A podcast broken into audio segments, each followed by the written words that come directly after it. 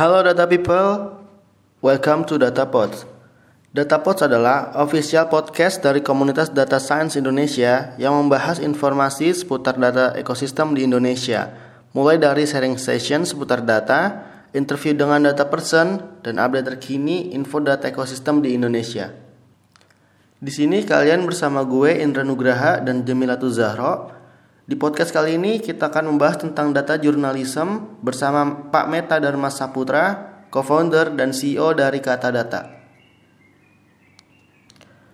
Di section Data News ada informasi buat mahasiswa-mahasiswa di Indonesia. Jadi terdapat dua lomba untuk di bidang data science. Pertama, National Data Day 2018, yaitu kompetisi di bidang big data untuk mahasiswa yang dilaksanakan oleh HMBTI Telkom University. Tema tahun ini adalah Big Data for Big Solution yang akan dilaksanakan pada bulan Juli sampai dengan November.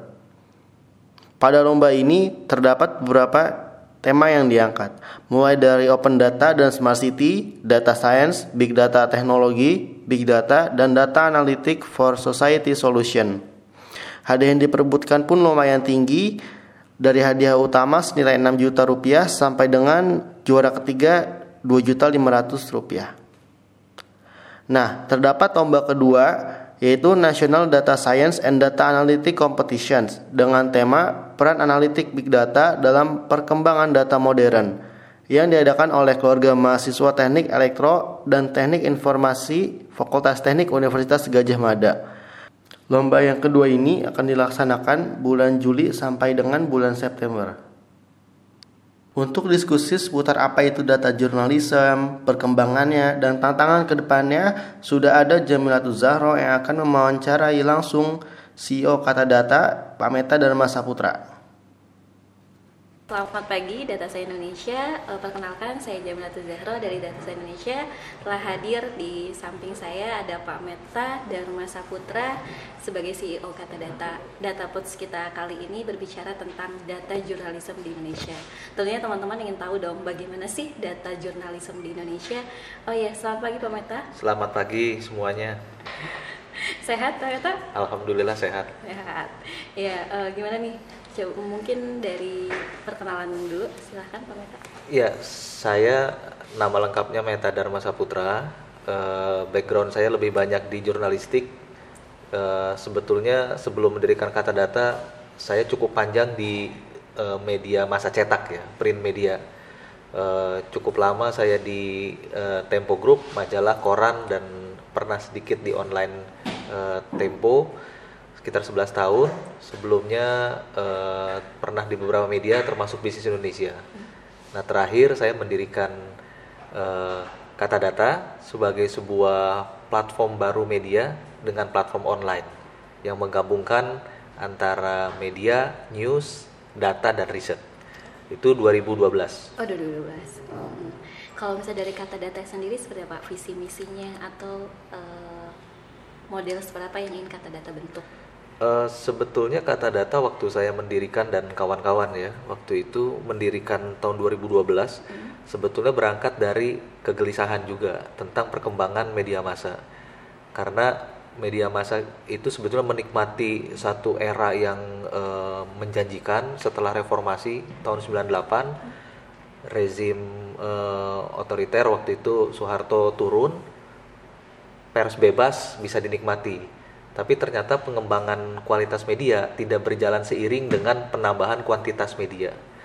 Nah, e, terjadi banyak sekali perdebatan di publik yang diwacanakan media, tapi hanya berbasis kepada statement, dan itu kadang-kadang menimbulkan distorsi informasi yang luar biasa, khususnya di ekonomi.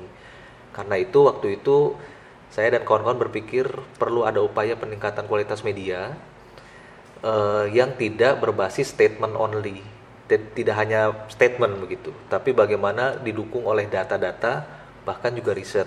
Iya. Nah itu yang membuat uh, ide bagaimana mengkombinasikan data, riset dan media sehingga lahirlah nama kata data. Terus kan tadi katanya tahun 2012 ya, apakah memang uh, itu the first uh, data jurnalis yang muncul dan dipelopori oleh kata data, apa mungkin sebelumnya memang sudah ada? Uh, sebetulnya sih di berbagai negara tren itu sudah muncul, tapi di Indonesia belum cukup dikenal. Jadi e, beberapa media besar sudah mengembangkan namanya pusat e, data dan riset gitu ya. Iya. Tapi sebetulnya belum dikembangkan seperti yang sekarang dikenal. Nah, belakangan semakin masif tentang e, data driven journalism, jadi jurnalisme yang berbasis data. Semua banyak sekali workshop, training e, tentang jurnalisme itu mengarah ke sana.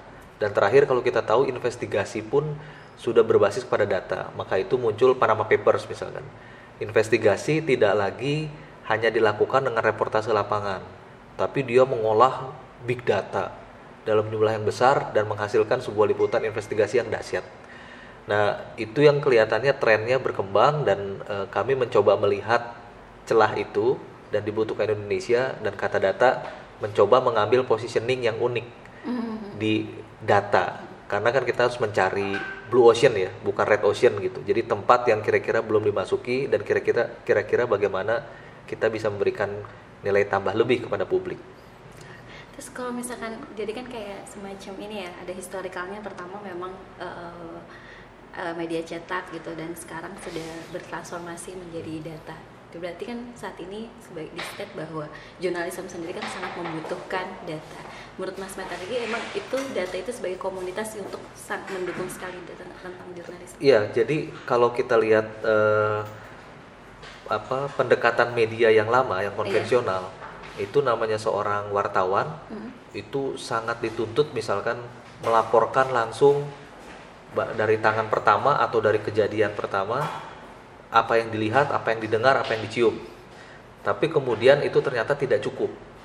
Uh, yang dibutuhkan oleh publik uh, lebih dari itu. Jadi uh, publik membutuhkan tidak hanya apa yang terjadi, tapi apa makna di balik kejadian itu. Dan itu dengan dukungan data kita bisa melihat apa fenomena yang lebih luas. Jadi misalkan secara historical kita bisa melihat fenomena apa yang terjadi, tidak hanya snapshot di satu kejadian, di satu titik. Kemudian yang kedua, e, dengan data itu akan dihasilkan insights. Okay. Nah, jadi data insights menjadi penting dan menarik untuk pengembangan jurnalisme. Tidak hanya sekali lagi memotret apa yang terjadi di satu titik. Nah, yang berikutnya value lain yang berkembang di data jurnalisme itu yang menarik adalah tentang storytelling. Oh, storytelling jadi salah satu produknya dari kata data ya, yang berkaitan. uh, jadi bagaimana satu fenomena apalagi didukung data itu diceritakan. Nah selain diceritakan uh, juga bagaimana divisualisasikan. Jadi data jurnalisme itu mengandung elemen-elemen yang memperkaya uh, jurnalisme konvensional yaitu dari sisi storytelling kemudian uh, visualisasi yeah. visualizing dan yang ketiga itu uh, menghasilkan insights. Jadi storytelling, visualisasi dan insights itu adalah kekuatan baru di jurnalisme berbasis data. Kalau misalkan mimpi atau visi besar kata data ke depan itu seperti apa, Mas? Uh, kata data memang waktu didirikan terus terang saya terinspirasi oleh ekonomis. Ekonomis sebuah majalah yang sangat kredibel, uh, apa? Tapi dia juga memiliki unit yang terpisah namanya Economist Intelligence Unit jadi di situ saya lihat ada kekuatan riset, ada kekuatan kekuatan, kekuatan data. Di ekonomisnya punya kekuatan penulisan yang luar biasa dan mengandung insights. Nah, kata data ingin sebetulnya menggabungkan antara eh, apa? Antara eh, Economist Magazine dengan Economist Intelligence Unit. Nah, tentang kalau mimpi kata data, kami ingin menghasilkan di Economist versi Indonesia lah kira-kira seperti itu dengan menggabungkan kekuatan itu. Hmm. Terus uh, sekarang kan sering banget ya mas media-media so sosial hoax gitu.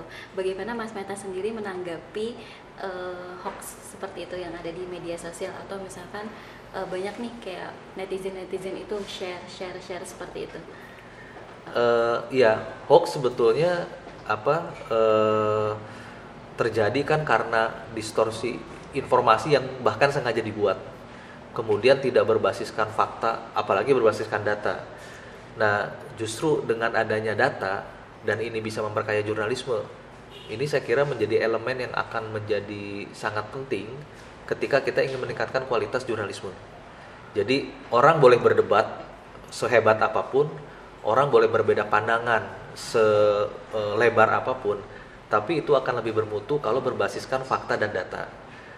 Nah, akan berbeda ketika orang tidak memiliki dasar. Itu perdebatannya menjadi tanpa arah dan kadang-kadang bias tanpa eh, apa tanpa tujuan yang jelas. Hoax apalagi itu akan mudah dipelintir menjadi sebuah komoditas politik untuk kepentingan apa pun dan saya kira publik penting diberikan asupan yang lebih bergizi dan jurnalisme data di situ memiliki ruang yang sangat luas uh, katanya ke depan kalau sekarang kan hoax sekali sebagai awalan atau itu suatu hal yang dipancing. Tapi sebenarnya kalau kondisi masyarakat kita itu ternyata sudah cukup terpancing ya dengan ada hoax. Katanya ke depan bakal ada perang data. Itu seperti apa? Sebenarnya perang data dan fakta saling beradu argumen. Nah menurut mas? Ya memang kan uh, sebenarnya sudah sejak lama ya. Data juga dipandang orang kan bisa bermata dua. Oh ya karena uh, interpretasi data bisa berbeda pisau analisis terhadap data bisa berbeda. Menurut saya sah sah aja tapi sekali lagi kalau itu dilakukan dengan berbasis data, kita punya pijakan yang jelas untuk berdebat.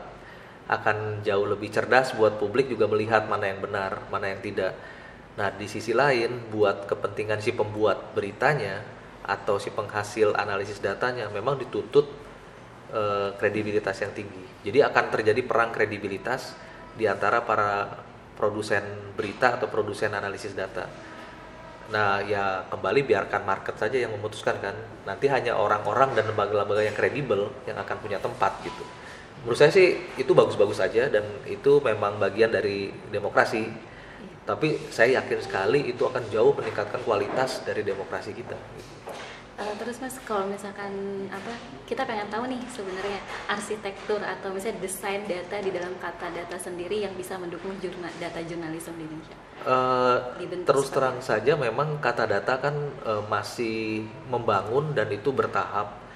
Uh, kami mulai dari bagaimana membangun quality content, kemudian uh, tahapannya quality content itu kami mulai dasari dengan uh, data dan riset Nah, setelah itu baru kami masuk dalam tahapan membangun eh, apa fondasi data yang cukup luas ya. Ujungnya ke big data, eh, ujungnya lagi mungkin kami juga ingin eh, apa sampai ke tingkat artificial intelligence, pemanfaatan teknologi itu.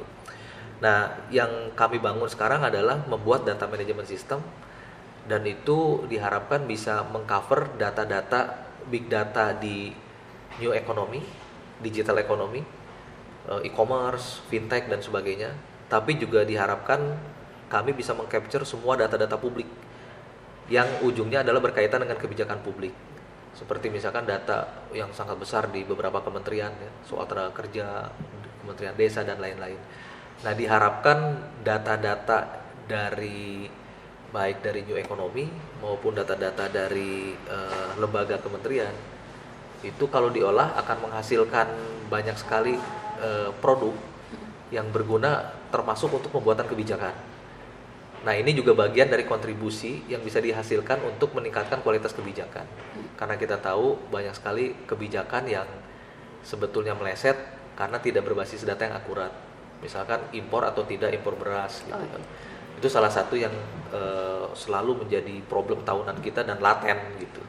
Nah, tadi Mas menarik terkait dengan impor beras sekarang itu kan fenomenanya kalau misalnya dari government sendiri, misalkan dari satu uh, pemerintah satu dan institusi pemerintah lainnya tuh mengeluarkan data yang berbeda. Nah, biasanya kalau dari kata data sendiri untuk desain dia akan prefer mengambil data yang seperti apa ketika untuk habis? Uh, memang kan kalau apa namanya di jurnalistik itu salah satu dasar yang harus selalu dipegang oleh para wartawan itu adalah memiliki sikap skeptis jadi tidak mudah percaya terhadap uh, sesuatu langsung bisa mengatakan hitam putih gitu. Langsung pada kesimpulan di ujung tidak langsung mudah memberikan judgement. Sehingga harus selalu ada uh, data informasi dari berbagai versi yang digali kemudian dianalisis dan selalu diuji kebenarannya untuk pada akhirnya menemukan kebenaran yang paling dekat lah gitu. Nah sama juga dengan data eh, di kata data berusaha mengumpulkan data dari berbagai pihak yang memang untuk kasus di kita itu kadang-kadang banyak sekali data antar kementerian berbeda-beda. Misalkan seperti tadi beras gitu. Kementerian Pertanian bilang A, Kementerian Perdagangan bisa bilang B, di Kemenko Perekonomian bilang C misalkan. Nah, dua-duanya berbasis uh, data resmi. Nah, itu memang harus kami olah uh, untuk kemudian diuji. Diujinya memang salah satunya adalah selain melihat kredibilitas sumbernya, juga pengujian langsung dengan konfirmasi ke pihak-pihak terkait, baik yang mengeluarkan data maupun pihak-pihak yang related yang terkait dengan soal itu. Jadi memang klarifikasi terhadap sumber datanya sendiri juga penting dilakukan. Tidak hanya kita bersandar kepada data yang dikeluarkan ya. Mungkin ya proses verifikasi data itu yang menjadi penting untuk kasus Indonesia karena kualitas data kita belum sebaik mungkin di negara-negara yang lain ya. Negara-negara maju terutama. Wah, luar biasa sekali Mas Neta. Oh ya, ada pesan nggak Mas untuk publik sebagai konsumen dari sebuah sajian berita atau misalnya sajian data gitu?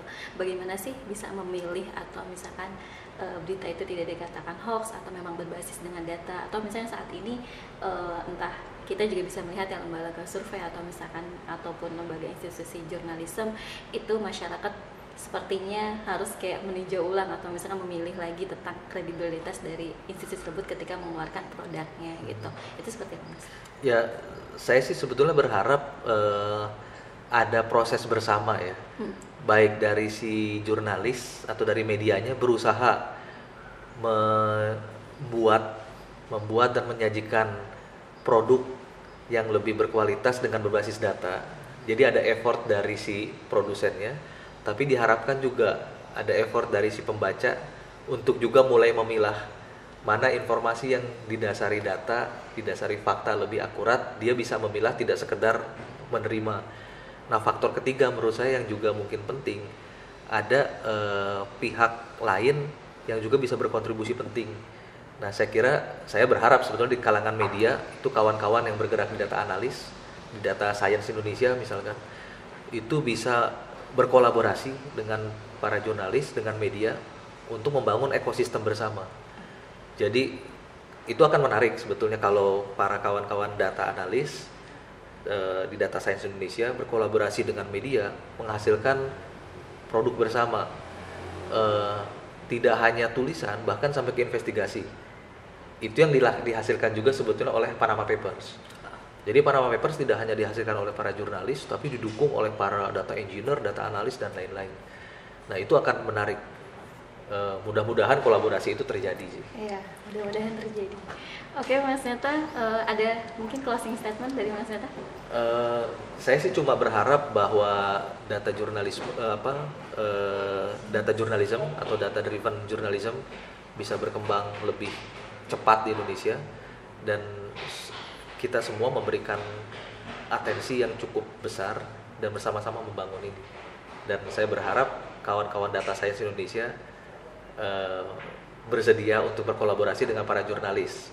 Meskipun untuk para jurnalis ini mungkin masih tahap awal untuk masuk ke situ, tapi memang ada sesuatu yang harus dibangun untuk uh, apa? Untuk tujuan yang lebih panjang, untuk publik juga pada akhirnya. Ya, pada dasarnya kalau dari teman-teman data saya Indonesia kita akan turut senang ya untuk berkolaborasi dengan siapa pun uh, dengan tujuan sama-sama untuk membentuk data ekosistem yang baik dan bisa memberikan manfaat untuk Indonesia lebih banyak lagi. Oke, terima kasih teman-teman semuanya. Terima kasih Mas Mata sudah hadir Oke, di sini. sama-sama. Mungkin cukup sekian dari saya. Sampai jumpa lagi. Terima kasih buat teman-teman yang udah dengerin podcast kedua kita kali ini.